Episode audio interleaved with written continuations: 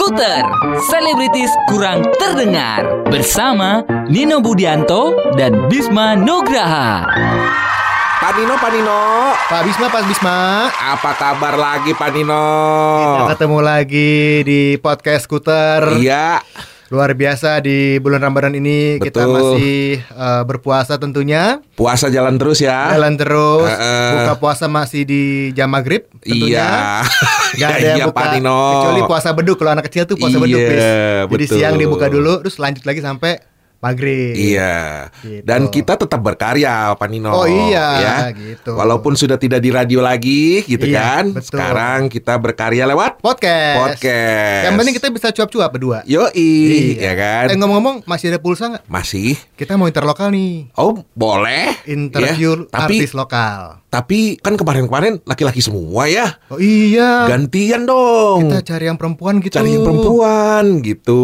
Udah banyak masukan soalnya. Heeh. Ayo yang perempuan dong. Iya. gitu. Oke, siapa sekarang yang mau ditelepon? Oke, yang di ujung sana sudah bersiap-siap ada Ivi Batuta. Hai Uni.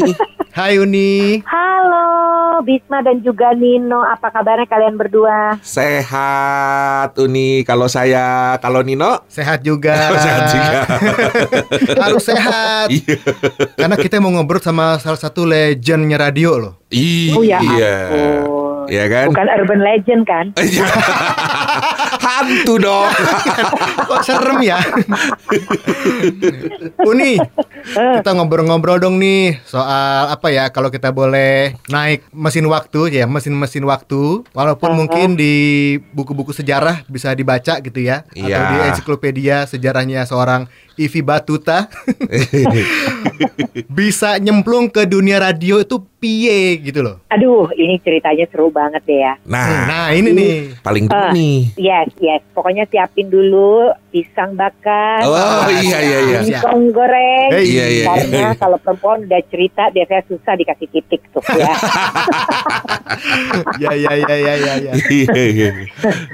ya. Gimana? Lu jangan tiba-tiba ninggalin gue, ada yang ke toilet, gue, gue ngomong sendirian. Udah pispot kok di sini. Aku pispot, Bisma pakai pampers. Iya, sama udah siapin selang juga. Oh bagus. Iya. Bagus bagus kalau sudah terhubung dengan kateter masing-masing bagus. Sepuh ya. pakai kateter. Iya iya iya iya. Oke. Heeh. Nah jadi dulu tuh gue kan kuliah di UI ya. Heeh. Hmm. Nah terus dulu di UI itu ada radio kampus. Ceritanya gue ngelamar nih gitu Ah. karena dari dari dulu tuh pengen banget rasanya jadi penyiar radio. Ah, ah, Zaman dulu tuh ada penyiar-penyiar Prambors yang terkenal terkenal itu. Gue adalah orang yang selalu mendengarkan radio itu tuh radio Prambors itu dan gue kok mendengarkan lah tuh orang-orang yang sekarang ini Heeh. juga masih jadi favorit gue tapi Siapa aja alhamdulillah tuh, nih? bisa bekerja sama oh mulai dari Dado Paru Oh. kan terus gue dengerin Aryono Arifin tuh Aryono. Arifin. Hmm. Luar biasa. Iya iya Ada iya. Bisma ya? Gue dengerin- bener Iya iya. tahu ini nggak Idari Murti tuh Oh sama iya, Parto Iya. iya, itu juga tuh wah Iya iya banget iya itu. iya iya. kan ada zaman zamannya dia siaran buat nemenin kita sahur juga kan inget nggak sih Iya Iya, benar iya, iya. benar Benar, benar, benar. Karena dulu siaran sahur itu selalu siaran yang ditunggu-tunggu pas waktu bulan Ramadan. Karena belum ada TV yang nyarin siaran sahur. iya. Iya. Lebih seru. Sekarang. Enggak lebih seru radio soalnya. Oh, iya. Iya. Tuh, heeh. Iya iya, aduh gue nih kalau gue nih sambil ngobrol sama kalian nih gue agak agak agak gimana gitu perasaan tuh nyes nyes nyes kayaknya rindu gitu ya. sama Nyes nyes. masa zaman sebelum corona dan kehidupan yang complicated ini dengan KPR Betul, betul, betul, betul. istilahnya itu kan ya. Heeh. Dan, ya udah singkat kata singkat cerita ngelamar ke radio kampus Heeh. diterima tuh gitu bukan diterima disuruh tes dulu belum diterima deh Oh, tes, Oh. tes. Heeh, tapi pada saat lagi dites gitu terus nenek gue meninggal nah jadi Oh. batal lah kandas lah Mm-mm. harapan Oh. untuk menjadi seorang penyiar radio Iya iya. nah terus gue Ini radio yang di lagi. teknik itu ya Uni ya? iya heeh, TC. Iya nih. iya Bener ya? Bener. Siapa tuh? Di antara kalian berdua penyiarnya lagi jangan-jangan. Bisma, Bisma. Saya sempet tuh nih, tapi Gila lu. Tuh kan bener kan Bisma emang di mana-mana dia. Oh my god, Bisma, gue tuh ngelamar ke situ, gue sih belum diterima, tapi gue baru eh, kayak mau dites gitu. Heeh. Tapi ketika hari haknya, ketika gue akan datang gitu, gue nggak bisa memenuhi lah Ah. panggilan tesnya itu karena nenek gue meninggal. Uh sedihnya luar biasa. Tapi Iya, iya, antara iya. eh, eh, menemui nenek yang sudah memang meninggal dan kita harus wajib kan nganter. Eh, gitu kan berkumpul bersama keluarga dan juga tes eh, di radio kampus namanya eh, apa sih namanya artis ya Iya, RTC, RTC UI. UI. Iya bener banget Bener ya? RTTUI bener banget Uni waktu itu tahun berapa? gue waktu itu tahun 96 Oh iya iya iya, senior berarti. Senior siapa? Senior saya.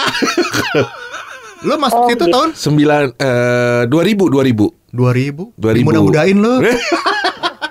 lu ngaku deh oh, lu dimudah-mudahin kali gue apa gue waktu itu 2005 ya gue lupa deh Iya iya iya iya.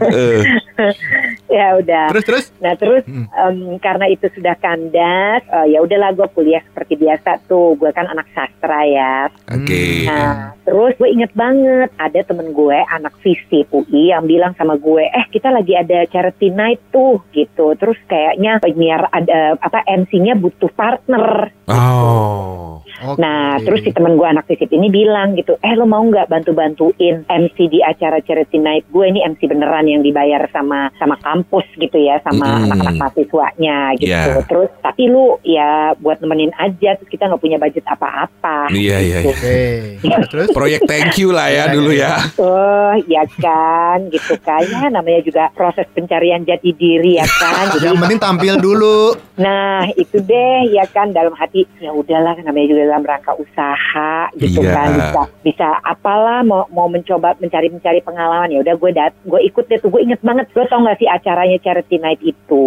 Heeh. itu di jalan-jalan kafe di Menara Imperium. Ya Oh, ampun. yang muter-muter tuh ya? Yes, Yes. yes banget. Muter-muter. muter-muter Ya ya kan. Kenapa ya nama-namanya Iya. Langsung terengyang-nyang bis langsung ya. Iya kan, kalian Bener-bener. juga inget gak sih? Jangan-jangan lu pada pernah nggak pulang lagi dari jalan-jalan hari. Iya, soalnya kesenangan muter di situ. Muter terus. Gak pulang mulu. Iya. Lupa jalan pulang ya. Iya. Mana deket setiap Budi lagi banyak kos-kosan. iya bener.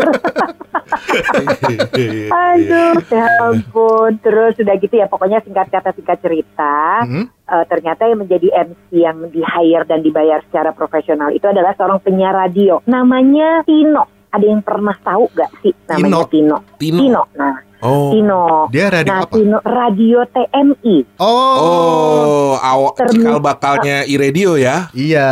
Ya, Radio. ya wal, eh, Terminal Musik Indonesia, Ah, TMI. iya, Terus gue siaran lah, eh, bukan siaran apa, berpartneran lah MC sama dia. Ya, si anak kucurut-kucurut ini alias gue ini ya pasti apa namanya ngelihat dia nganga dong ya dengan kecanggihan dia menyusun kata. Iya, iya, iya, Terus iya. bagaimana canggihnya dia juga membawa suasana gitu. Iya. Ya udah gue cuman timbang nengok, timbang apa namanya menyambung apa yang mungkin dia eh, tanyain ke gue. Pokoknya gue sebenarnya ngerasa kurang bisa berperan lah di atas Iya. panggung itu. Iya, Tapi entah kenapa si Tino ini kayak melihat potensi gue gitu. Jadi pas dari Eh. selesai acara dia bilang, gue rasa lo tuh sebenarnya bisa deh siaran di radio. Dia ngomong gitu. Hmm. Terus ya udah, terus gue bilang ah masa sih kayaknya coming from you yang seorang penyiar radio beneran, itu ya namanya gue anak kampus yang bener-bener nggak ngerti soal dunia radio, tiba-tiba dipasangkan dengan penyiar radio tuh emang kayak starstruck gitulah, walaupun tadinya gue nggak kenal kenal dia banget gitu kan. Iya, iya, iya. Terus cuman tahu bahwa dia adalah penyiar radio tuh bikin gue yang wow gitu. Terus itu dia bilang ya kayaknya lu bisa siaran radio deh coba nanti suatu saat gue akan ajak lo ke radio gue dan dia memenuhi janji tersebut. Hmm. Terus di suatu hari dia bilang, eh lo bisa nggak pulang kuliah, datang yuk ke radio TMI di pasar Minggu tuh waktu itu kan. Ya, gitu. betul. Yang deket Goro ya? Bener Oke. di situ ya kan. Nah Hmm. terus eh, bisa nggak ke radio TMI? Terus ya udah, gue inget banget pulang eh, kuliah naik kereta dari Depok ya kan dari stasiun UI Depok itu. Turun Pokoknya Kalibata. turun turun di pasar Minggu. Pasar Pasar Minggu. Oh iya Pasar iya. Minggu. Heeh, terus gue nyambung lagi deh pokoknya Mm-mm. gitu. Nah ya udah deh nih si eh Kalibata apa Pasar Minggu ya pokoknya gue turun Pasar antara dua Minggu. stasiun itu. Ya. Terus udah gitu gue nyambung lagi ke naik angkot, nyambung lagi ke radio TMI. Terus bertemulah dengan gue salah satu tokoh radio yaitu Bapak Edi Susilo. Ah. Oh, Tuh, ya. iya, iya. Mm-mm. Terus ya udah, Iya, em, pokoknya kalau gue boleh cerita sedikit tentang proses interviewnya, Hmm, itu tuh mm-mm. bener-bener singkat banget. Jadi dia nggak nengok ke gue gitu. Jadi kayaknya dia nggak nganggep lah Oh. gue ini Hmm. gitu loh. Jadi dia cuman main komputer aja memunggungi gue. Iya, iya, iya, iya. Itu di ruangan itu berdua sama dia aja. Eh, gue sama Tino ada Tino nemenin. Oh, Oh, tetap nah. temenin. Oke. Heeh, si, si bapak ini lagi main komputer, lagi kayak lagi ngerjain pekerjaan, terus si Tino ini bilang, Pak, Pak, saya ini punya temen gitu, kayaknya dia bisa deh Pak siaran radio gitu. Nah terus udah Hmm. gitu si eh, Pak Edi Silo itu sambil mengerjakan pekerjaannya di depan komputer tanpa menoleh, terus dia bilang, hmm, pernah siaran radio? Enggak Pak. Hmm, Ya? sering dengerin radio? Sering Pak. Hmm. pokoknya kayak ya gimana sih Bo mungkin Iya. dia juga sudah per, apa maksudnya he was doing it like a thousand times gitu jadi Eh, eh, kayaknya iya, mungkin iya. dia nganggep nih anak anak mana lagi perengus mana lagi nih yang pengen mencoba peruntungan di dunia radio terus ya udah terus akhirnya dia em, apa namanya dia eh, dengerin radio apa aja radio ini radio dengerin radio terminal musik Indonesia juga pak gitu. Oh gitu. Hmm. Em, kamu bisa siaran emangnya? Mungkin bisa kayaknya pak gitu. Coba iya terus dia bilang coba praktekin gimana kalau misalnya jadi penyiar radio gitu itu ngomong tanpa nengok gue loh Buset. Oh iya? Eh, Iya. dia di Fokus ke komputernya fokus aja komputer gitu. ya. Iya, fokus di komputernya aja gitu karena emang dia pokoknya duduk di komputer itu terus udah gitu dia memunggungi gue lah gitu. Jadi ya dia sambil gitu aja gitu karena emang itu kan ruangan besar gitu ya. Jadi dia ada di Hmm. salah satu mejanya gue juga ngerti dia lagi ngapain di situ. Apparently mungkin itu bukan eh, ruangannya dia tapi dia lagi ada di situ gitu. Hmm. Terus eh, gue yang eh, nah dulu kan gue inget banget tuh untuk eh, panggilan pendengarnya tuh dari radio TMI itu adalah Indonesiana gitu. Eh. Nah, terus gue belaga-belaga deh tuh siaran gitu. nah, iya, 105,8 FM Terminal Musik Indonesia. Halo, selamat pagi Indonesiana. Eh, gimana paginya ya? Pokoknya gue belaga-belaga lah. Terus Eh. kebetulan di kampus tuh gue abis baca majalah Intisari. Ingat nggak kalian? Iya. Iya, iya, iya. Intisari tuh lagi ada Tanaman-tanaman. satu. Iya, iya, iya. Iya. Mhm. Terus em, Intisari tuh eh, sebenarnya semua informasi di Intisari ada lah gitu. Iya, bukan Betul. ya, Nek, bukan Ba- trubus. bahan siaran Bahan biasanya. siaran biasanya di situ tuh. Iya.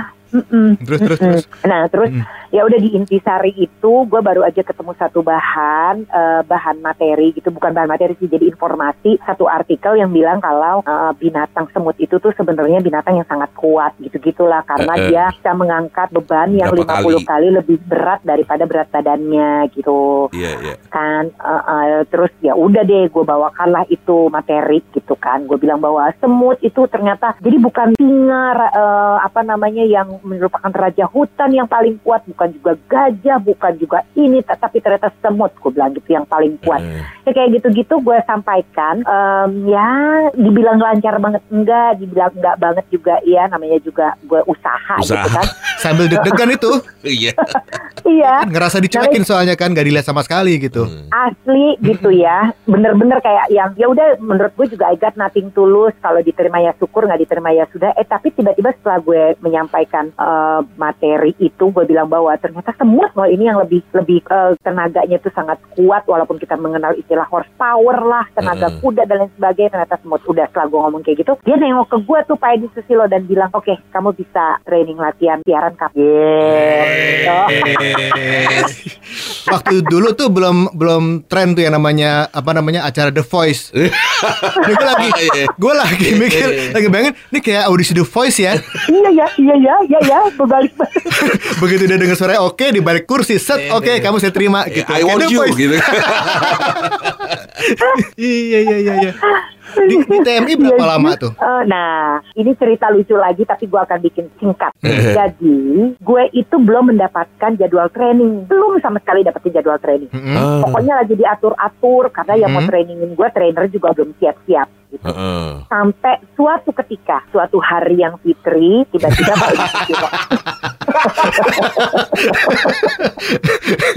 Kita udah serius Iya iya iya. di suatu hari yang fitri. Soalnya hari itu sebenarnya mestinya syahdu gitu kan ya. Oh, iya, Tetapi iya, iya. kesyahduan tersebut terguncang dengan sebuah berita yang tidak enak gitu kan. Gitu. Yang adalah Eh, yang adalah si Pak Edi Susilo tuh nelfon gue bilang gini, Ivi radio kita nih bangkrut. Aduh, Waduh.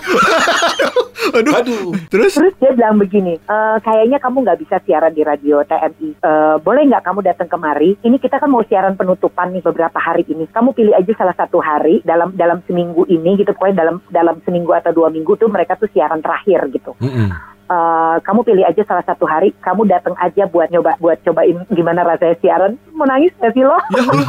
Ya jadi jadi datang siaran itu buat dalam Buat rangka siaran mau terakhir. siaran terakhir. Radionya tuh Nah, Iya.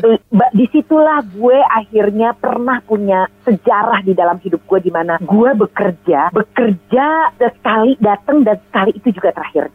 Gitu. The first and the last. Ya, hari Sekalian. pertama dan hari terakhir. Oh.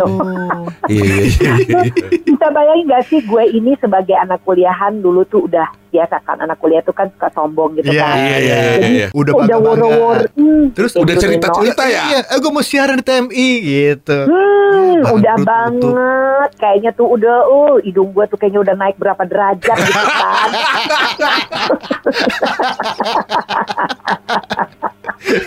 ya, uh, Ya, gila, status gila. penyiar radio.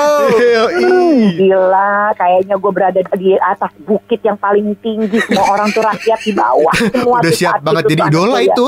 Hmm, gila, udah uh, gila, Iya, udah iya, siap iya. banget gitu kan. Di saat itulah gue kayaknya baru aja gue woro-woro temen-temen gue tiap hari, eh gue bakal siaran di radio TMI, gue bakal siaran gue punya radio TMI, lo dengerin dong apa apa apa apa. lah, belum juga sempet siaran, belum juga training, udah kelar radionya.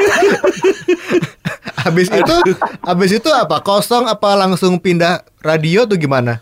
Ya, jadi di di situlah ya maksudnya kan gue eh, gue inget banget. Jadi tuh siaran terakhir gue, eh siaran pertama gue itu adalah gue ketemuan sama Riko Ceper, gue ketemuan sama Ferry, eh, pokoknya gue sama Riko Ceper sama ada siapa sih gue lupa deh. Nah terus gue inget banget di siaran TMI itu si Riko tuh ngomong gini ke pendengarnya gini, "Eh, oke nih eh, kita mau kenalin nih satu penyiar radio TMI ya, eh, namanya Ivi nih. Nah si Ivi ini nih belum pernah siaran sih emang, lu bayangin sedih nggak sih? Kurang, Disatuin. kurang ajar. kurang ajar. terus terus. aduh gue rasanya gini ya aduh cuman gue tahu dia senior gitu kan gue Iya, juga iya, iya. sesekali dengerin dia siaran gitu maksudnya Iya. gue itu kan bikin malu banget gitu loh ngomong ke di bayangan gue saat itu kan ya, namanya radio kan pasti yang denger banyak banget gitu jadi kan Iya. malunya setengah Iya, mati iya. walaupun gue nggak kenal mereka ya gitu Iya. jadi ketika dikatakan bahwa ini Ivi penyiar TMI eh, tapi memang dia sih belum pernah siaran ya gitu Iya. kayaknya gimana gitu ya udah tapi dia bilang si, si Riko bilang ayo Vi ayo ya nih siapa-siapa nih Eh, karena mereka terima-terima caller gitu deh gitu Eh, ya udah jadi adalah satu momen beberapa berapa jam itu kayak satu jam lah gue kayak ikut ngobrol sama Riko Ceper dan yang Hmm. lain dan eh, menyapa pendengarnya. Ya udah di situ bubar gitu nggak ada radio udah nggak siaran. Selesai langsung karir gue di dunia radio. Iya. Artinya eh, Riko jadi partner pertama dirimu ya di radio ya? Yes, gue inget eh, kayaknya tuh ada Rico Ceper dan ada beberapa penyiar lainnya karena mereka kan selama beberapa minggu itu kayaknya mereka siaran terakhir gitu Oh, ya. iya. Jadi eh, eh, jadi kayak mereka tuh ya udahlah habis-habisan aja gitu Iya, kumpul-kumpul bercanda-bercanda sama pendengarnya dan lain sebagainya gitu. Hmm. Nah, setelah dari TMI kemudian langsung ke Indika atau ada radio Nah, lain? iya karena Pak Edi Susilo itu rupanya direkrut lah nih timnya Pak. Jadi Pak Edi Susilo dan timnya Hmm. itu direkrut lah oleh sebuah radio yaitu Indika. Hmm. manajemennya. Jadi karena mereka tuh punya frekuensinya, terus Iya. mereka punya izinnya, tapi nggak punya manajemennya kan, gitu. Oh, Iya, iya, iya. Terus Oke. oh ya udahlah mereka pikir siapa ya orang-orang yang sudah sebenarnya eh, bisa running radio dan sebenarnya sudah punya pengalaman gitu. Akhirnya mereka Hmm. ambillah si Pak Edi Susilo karena mereka tahu Pak Edi Susilo bisa running radio, terus dia gitu Hmm. juga punya eh, anak buah yang bisa dipanggil-panggilin kembali yang sudah dirumahkan ini gitu Hmm. orang-orang adminnya dan lain sebagainya gitu ya udah jadi direkrut-rekrut dan I don't know why ya tapi Pak Edi Susilo ini bener-bener he had a big faith in me gitu loh ya Hmm. beliau ini sudah almarhum tapi namanya itu sangat terkenal sekali bapaknya eh, Ade Fabiola eh, penyanyi itu dia pokoknya adalah seorang penyanyi gitu ya? Eh, eh, itu Oh, bapaknya sih Ade Febiola. Ade Fabiola Ya, ya, ya, ya, aku tahu. Ade Fabiola nah ini bapaknya bapak kandungnya si Ade Fabiola nah Oh, jadi oke, oke. beliau ini tuh kayaknya punya nggak ngerti ya dia punya satu keyakinan besar sama gue sampai kembali gitu. Jadi gue lagi di rumah santai-santai terus dia telepon gitu. Eh saya nih udah kan dia kalau ngomong sama gue gue sih ya eh gue padahal dia udah bapak-bapak banget saat itu. Gue tuh udah udah udah mimpin radio lagi nih dia bilang gitu. Lu bisa nggak lo siaran di radio gue? Gue dateng ke radio tersebut. Dan eh, gue bisa mengakui sih bahwa dia cukup percaya untuk orang yang gue nggak punya pengalaman. Gue zero Hmm. zero experience gitu ya. Tetapi dia itu nyeburin gue tuh ke jam-jam bagus lah di dunia radio gitu. Gue kan dulu nggak ngerti ya kalau jam bagus Yeah. itu adalah jam pagi jam Ya, sore jam gitu. Gue nggak tahu time gitu. heeh. gue nggak gue bener-bener tidak mengerti radio itu tuh ada prime time ada apa ada apa Ya, gitu ya. cuman eh, dia tuh kasih gue di jam-jam sibuk gitu jadi kayak jam sore Oh. pertamanya di jam sore di jam sore dulu dan nggak butuh waktu lama buat gue untuk berada di jam sore itu dia bilang gitu kayaknya lo bisa deh eh, siaran pagi gitu Hmm. Iya. Ya udah dia suruh gue siaran pagi eh, gue dipasangin lah sama orang-orang yang terkenal Mas Riko Ceper Hmm. eh, David Halik gitu Oh, saat iya. itu juga gue dipasangin sama Ferry Ardiansyah gue Iya, dipasangin sama pokoknya gue diganti-ganti gitulah Hmm. tapi gue stay gitu rata-rata tuh gue bingungnya tuh ya maksudnya dia punya faith yang besar gue juga nggak ngerti padahal gue bikin kesalahan tuh banyaknya luar biasa loh gitu iya Yang paling iya parah apa yang paling parah? Ya maksudnya kan gue ya terbata-bata, terus Hmm. gue kadang-kadang nggak ngerti, eh, eh, gue tuh nggak bisa operate gitu kan hampir Iya. semua penyiar radio kan bisa operate gitu. Oh, nah itu, iya, nah iya. lucunya jadi sampai detik ini tuh gue nggak bisa operate eh, konsol gitu. Gue nggak bisa operate konsol gitu karena memang eh, dia juga tidak membiarkan gue operate karena gue pasti salah-salah gitu. Dia Iya, cuma iya. biarin gue tuh Hmm, untuk iya. yang ya udah lo eh, baca materi, Fokus aja lo gitu. deliver gitu. Oh iya. Ya, fokus aja siaran. dengan apa yang mau disampaikan. Eh, eh, eh. Gak usah naik turunin fader apalah gitu kan. Iya. Ceklak ceklik ceklak ceklik daripada salah. Eh, daripada Iya. Transformers, iya.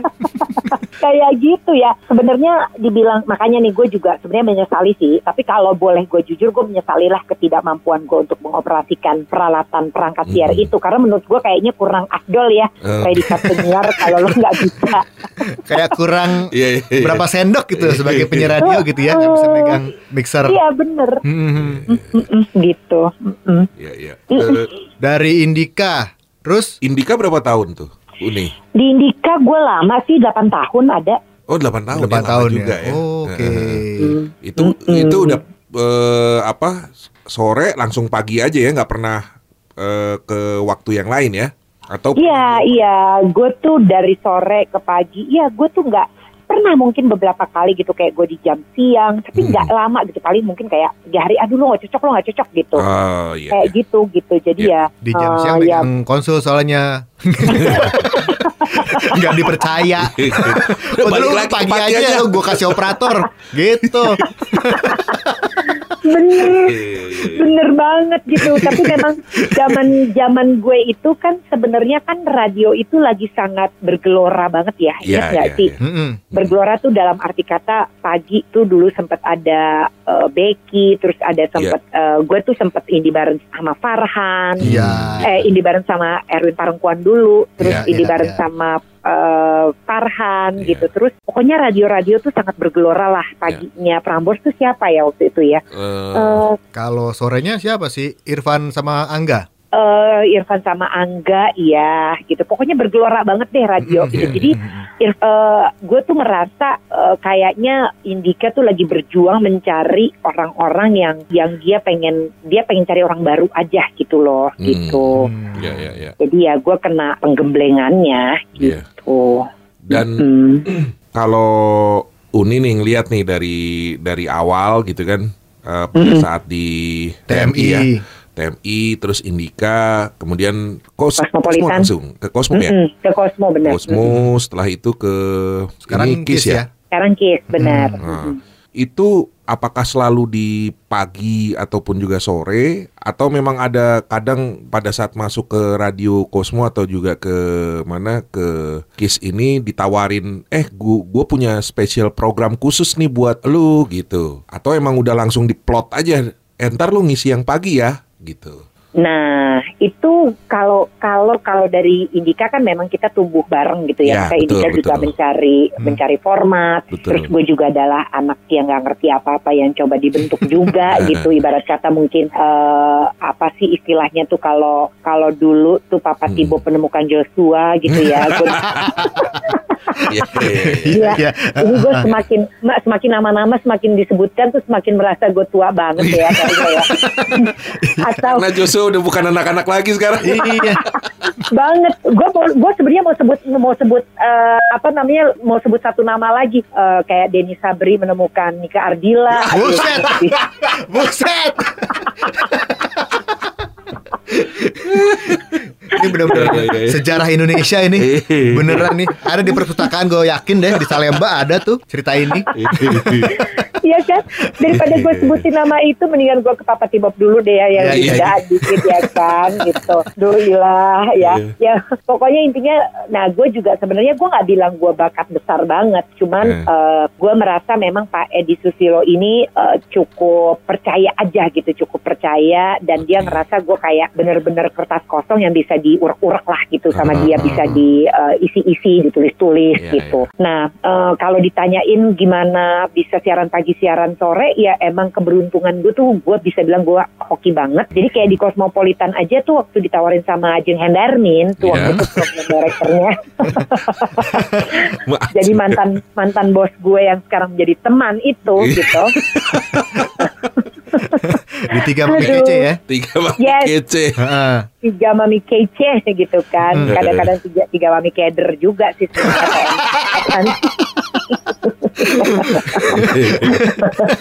Gue tayang ke mana?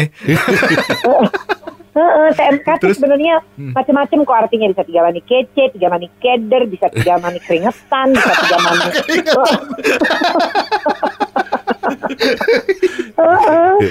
Aduh, tiga mami kerempongan, pokoknya bisa lah. Artinya itu.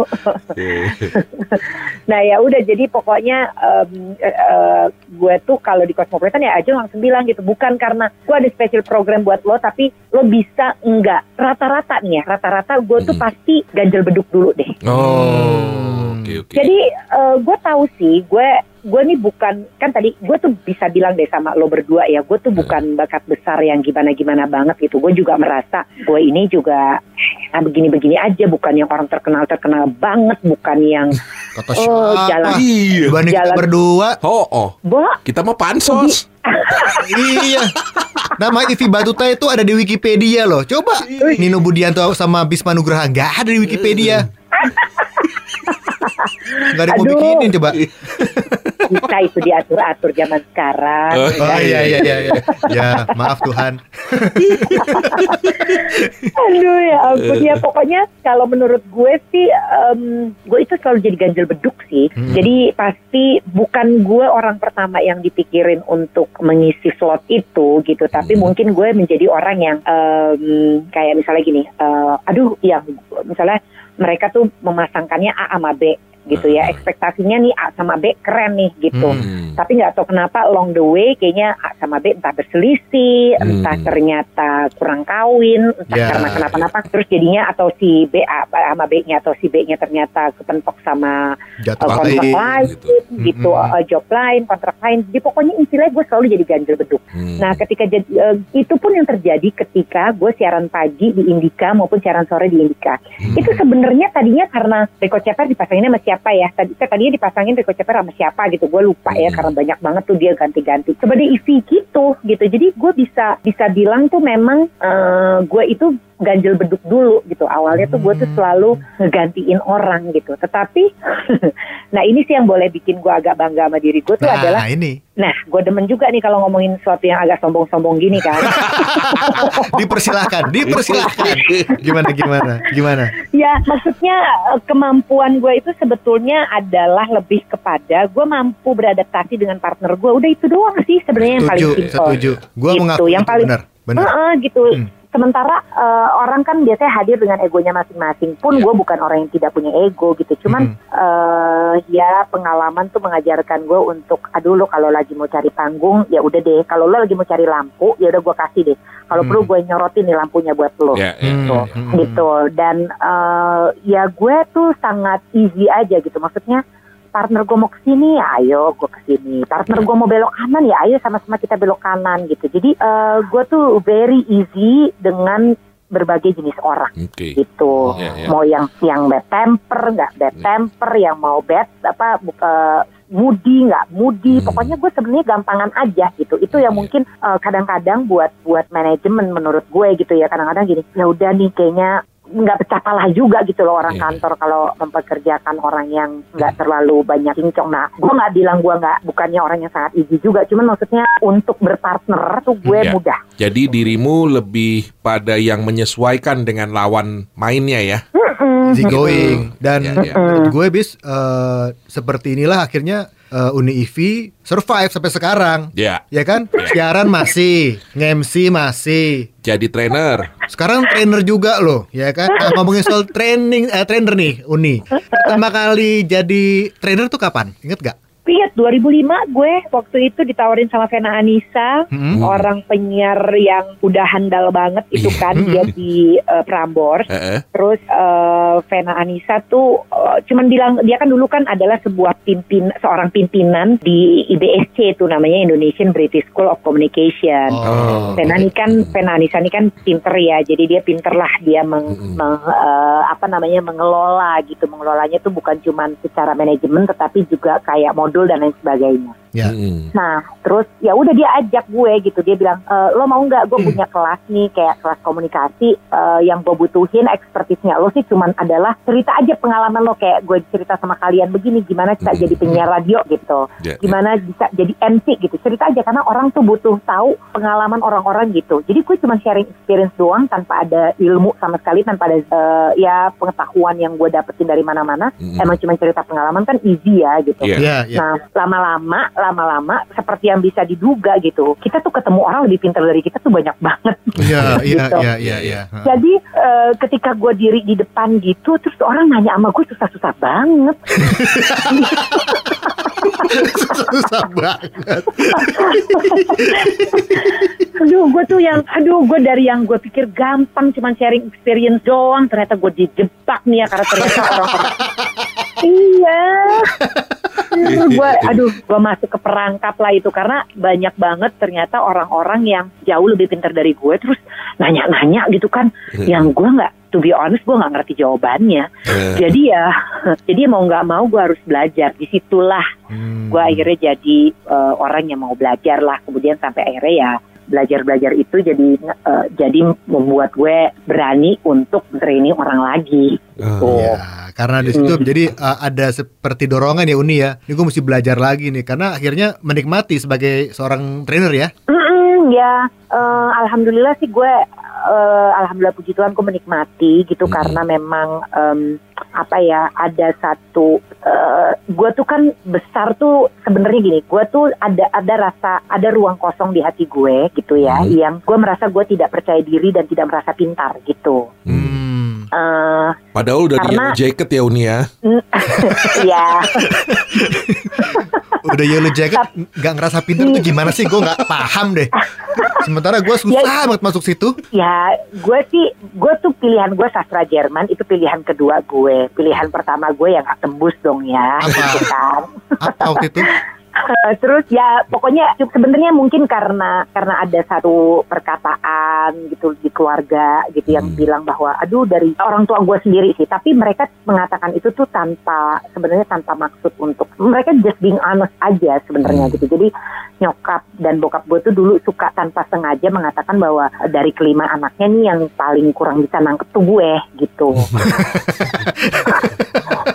nggak bohong ini beneran serius Paling kecil ya? paling gue anak nomor empat Oh, empat. Oh. Oke. dan bahkan adik gue aja memang lebih pintar dari gue jadi gue inget banget zaman zaman sekolah adik gue tuh kan terpaut tahun di bawah gue gitu jadi gue eh, apa namanya eh, bedanya cuma 13 bulan gitu gue dan adik Oh. gue tetapi heeh, tapi pelajaran sekolah tuh dia sering ngerjain PR PR gue gitu Itu begitu. Enak Karena- banget ya. karena pinter banget adik gue tuh Oh. pinter banget gitu Iya. jadi sampai gue SMA kalau soal matematika soal fisika kimia dia tuh Hmm. suka gitu "Ah, lo begini aja nggak ngerti sih gitu Digituin sama Ade tuh Iya. gimana rasanya ya? Nggak, yang berarti ini Iya kan? menunjukkan kalau misalnya emang hokinya gede. Oh iya iya iya, hoki ini gede ya. Iya iya, benar benar benar benar. ya Ma- kan maksud- bener emang gue Iya benar. Emang hoki gue gede, serius gue juga bisa bilang sama lo itu deh tuh hoki gue gede. Ya udah pokoknya eh, karena ada ruang kosong itu yang gue merasa gue nggak mau. Jadi ketika gue berada di depan dan ternyata ada orang yang eh, oh, oh bener juga tuh katanya. Gue merasa kayaknya oh ternyata dulu itu mungkin gue bukan bego yang gimana gimana, cuman gue nggak ketemu yang gue suka aja gitu. Iya. Iya iya iya Orang gitu. orang pinter kalah kok sama orang hoki. Iya iya iya. Jelas Itu bikin gitu. kesel. Uni, Aduh, bener bener. Kan siaran radio udah, presenter udah, MC udah, trainer udah, Main main, film. film. udah. Apa yang nextnya apa sih yang kepengen dilakukan? Ada dikejar nggak sih? Nah, gue tuh gak ambisius, no. Bis, Hah? Gue ambisius. Nggak gue ambisius, ya? orangnya, Mm-mm, eh, jadi kan orang tuh terbagi menjadi dua ya, yang goal oriented sama yang proses oriented. Nah, gue tuh Hmm. proses oriented. Gue tidak pernah punya target dalam hidup, Hmm. gitu. Mau apa nih? Gue mau ini nih, gue mau itu nih. Enggak, gue jalanin aja, Oke. gitu. Gue gue kalau gue suka prosesnya gue jalanin gitu dan Iya. dan em, gue itu big fighter ya gue Hmm. tuh bisa bilang gue berjuang gitu orangnya gue tidak mudah menyerah gitu kan Hmm. Eh, ya tapi gue tuh nggak pernah mentargetkan eh, menjadi punya nama gitu nggak pernah Hmm. nggak pernah beneran deh gue jujur deh beneran nggak nggak pernah Hmm. semua gue jalani tuh dengan dr- eh, drive pertama gue tuh uang sih kalau boleh jujur Iya iya iya iya. iya. Yang penting cuan ya. Iya. Eh, eh, yang Sama cuan penting tuh dekat Iya, soalnya. iya, iya, iya. Benar benar benar benar. Temenan penting dekat ada tuh. duitnya Tetanggaan. Iya, heeh, segitu duit dulu deh gitu, cuan dulu deh gitu. Jadi tuh maksudnya, eh, jadi gue tuh dulu kalau ngerjain kerjaan mau lima puluh ribu, mau dua puluh lima ribu, ada duitnya, ya sini gue kerjain gitu, ada duitnya sini gue kerjain, ada duitnya, Iya, iya, ada duitnya iya, sini iya. gue kerjain. Bener, drive gue tuh money deh. Hmm. gue tuh salut sama orang-orang yang kayak misalnya aktivis lingkungan atau pencinta binatang yang drive-nya tuh adalah mungkin kasih sayang, Iya. pedulian. Itu lu nggak bisa Iya, gitu-gitu ya, nggak bisa ya. Jauh ya. Nggak gitu, gue sih gue bisa bilang sih gue awalnya nggak gitu ya, gitu. Iya. Maksudnya gue nggak berangkat dari situ sih sejujur-jujurnya gitu. Iya, iya. Gue berangkat dari duit aja dulu. gitu, gitu. Iya. iya. Iya, iya, iya. Seru banget ya. Uni, nah terus, eh, eh, kan salah satu inilah katakanlah biggest achievement adalah ketika ngelihat anak-anak ya sebagai seorang ibu pastinya kan. mm-mm. Nah, itu diturunkan nggak? Maksudnya kalau Uni kan nggak nggak ambisius ya. Eh, eh, kalau tadi dibilangnya, nah tapi ngelihat si kakak sama adik anak Uni ini, mereka tipikal yang ikut ke Uni atau berbeda? Nah, gue kalau dana, kalau dana lu udah harus nyomot lagi tuh pisang goreng berarti. Nah, kopi lu udah harus seruput lagi tuh.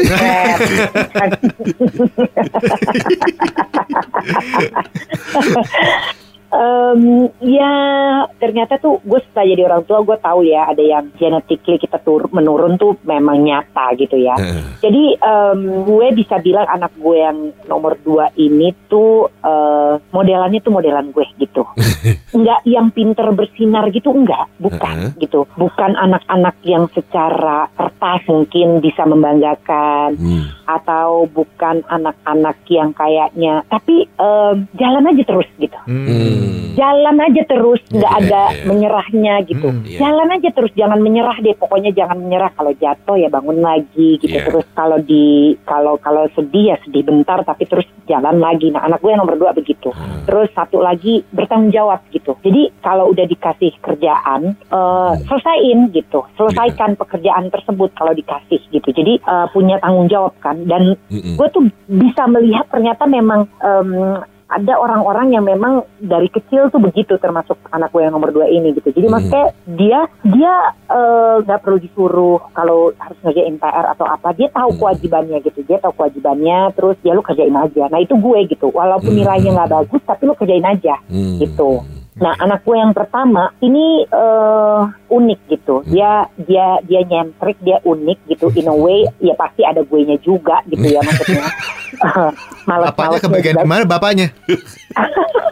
males-males ya, ya. Nah, anak gue yang pertama nih pinter kayak kayak kayak bapaknya. Kalau menurut gue gitu, pinter, pinter lah. Terus udah gitu juga lebih lebih artistik kayak bapaknya kalau Hmm. menurut gue gitu. Jadi Edu tuh sebenarnya lebih art, lebih into art daripada gue Oh, gitu. lebih seni- Oh ya, seniman lebih gitu ya? seniman dia. lebih bagus matanya terhadap yang Oh, indah-indah, oh, ya, ya, terus ya. lebih bisa, pokoknya lebih bisa eh, meletakkan atau merubah value sesuatu menjadi lebih artistik gitu. Oh iya iya. Nah, itu kan eh, value-nya laki gue gitu dan Hmm. juga itu juga yang dimiliki oleh anak gue yang pertama gitu. Hmm. Nah, eh, bedanya dengan gue adalah termasuk juga ke laki gue gitu. Bukannya mereka tuh bukan yang maju aja gitu, tapi ada harus prepare gitu. Kalau gue kan Oh. maju maju terus gitu Ya, harus ya, ada ya. prepare nah, orang-orang yang harus prepare gitu Lebih banyak bagus mikirnya ya Cuman, Uni ya. ya lebih banyak mikir Ada benar pertimbangan-pertimbangan.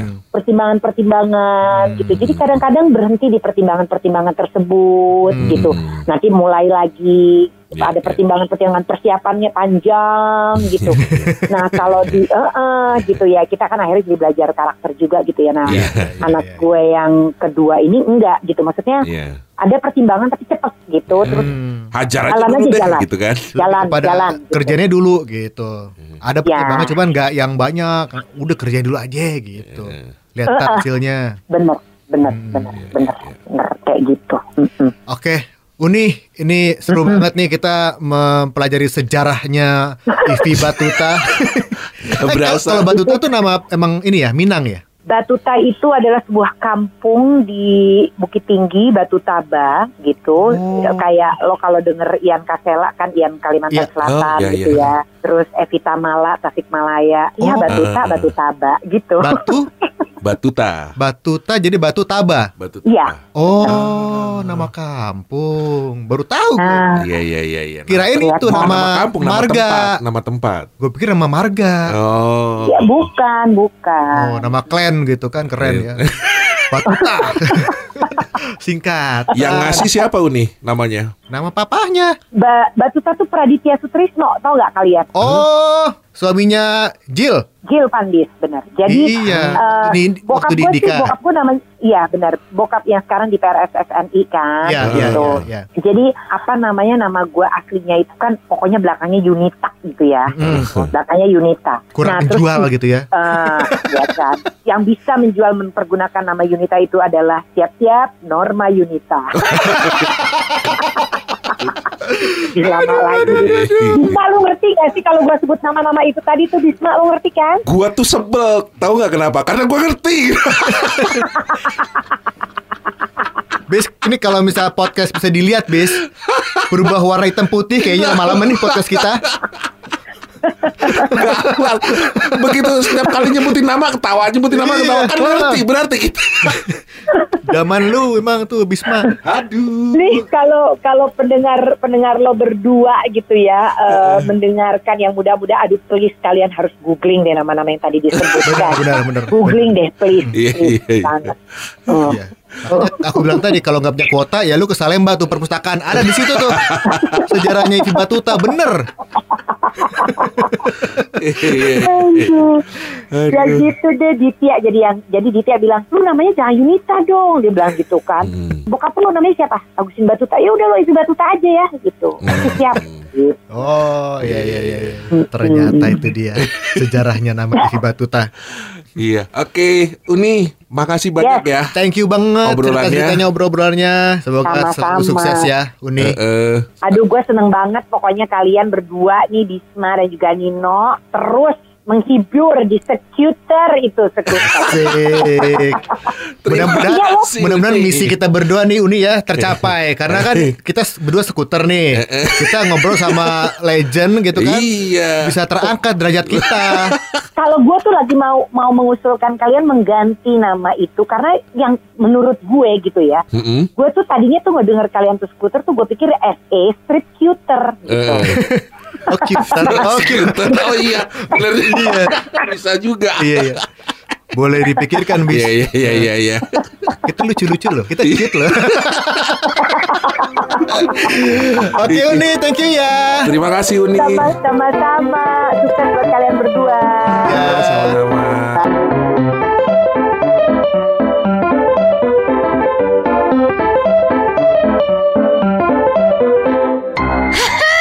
Seru kan? Jangan lupa follow at Scooter Gayboy di Facebook dan Instagram.